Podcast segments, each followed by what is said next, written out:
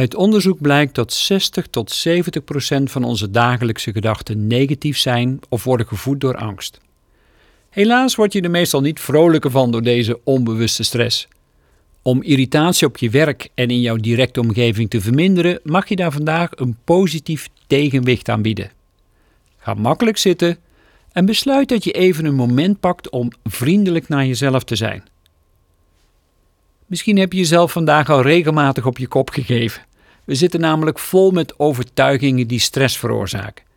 Het moet altijd beter. Het moet perfect. Ik mag geen fouten maken enzovoorts.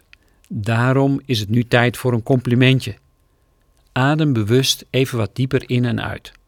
Kijk vervolgens in een echte of een denkbeeldige spiegel. Zeg tegen jouzelf: Ik ga jou waarderen. En waarschijnlijk komt er dan een glimlach aan de binnenkant van je mond.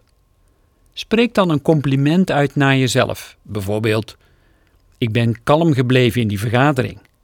Ik ben eerlijk geweest in mijn feedback. Of ik heb even de tijd genomen om te reageren. Enzovoort.